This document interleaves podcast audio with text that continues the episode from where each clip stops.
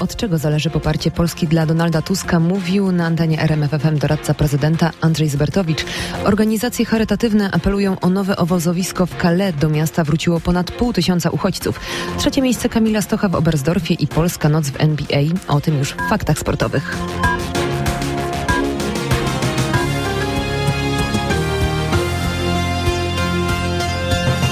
Zależy, co pani kanclerz Angela Merkel zechce położyć na stole.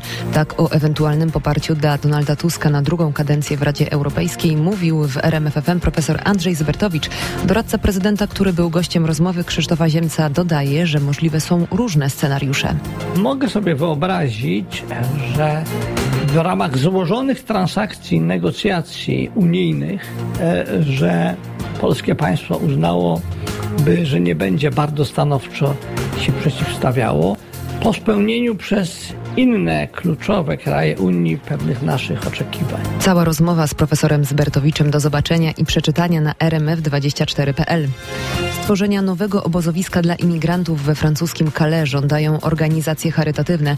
Alarmują, że w rejon miasta w zaledwie trzy miesiące od likwidacji tzw. Tak dżungli wróciło już ponad pół tysiąca uchodźców. Z Paryża Marek Gładysz.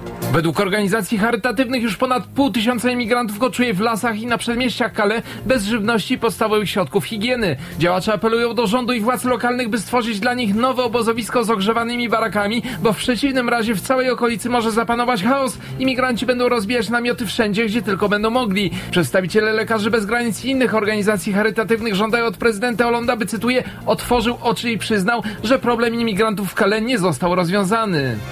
Tegoroczna gala wręczenia Cezarów nie będzie miała przewodniczącego, poinformowali organizatorzy. Przemówienia otwierające i kończące uroczystość rozdania nagród filmowych miał wygłosić Roman Polański. Polski reżyser zrezygnował jednak po protestach środowisk feministycznych, które podnosiły, że pod koniec lat 70. uznano go za winnego uprawiania seksu z trzynastolatką.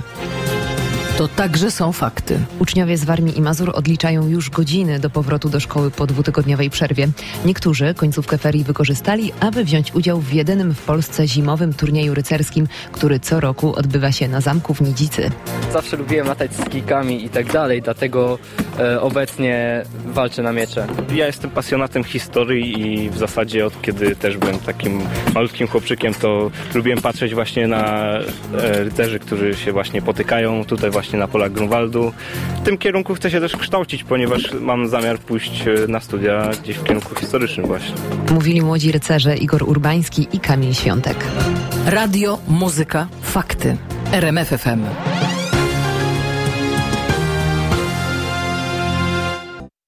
Fakty sportowe prezentuje Patryk Serwański. Siatkarki Chemika Police awansowały do finału Pucharu Polski. Pokonały w Zielonej Górze deweloper z Rzeszów po tajbreku 3 do 2. Trwa drugi półfinał. Impel Wrocław prowadzi w nim z budowlanymi Łódź 2 do 1.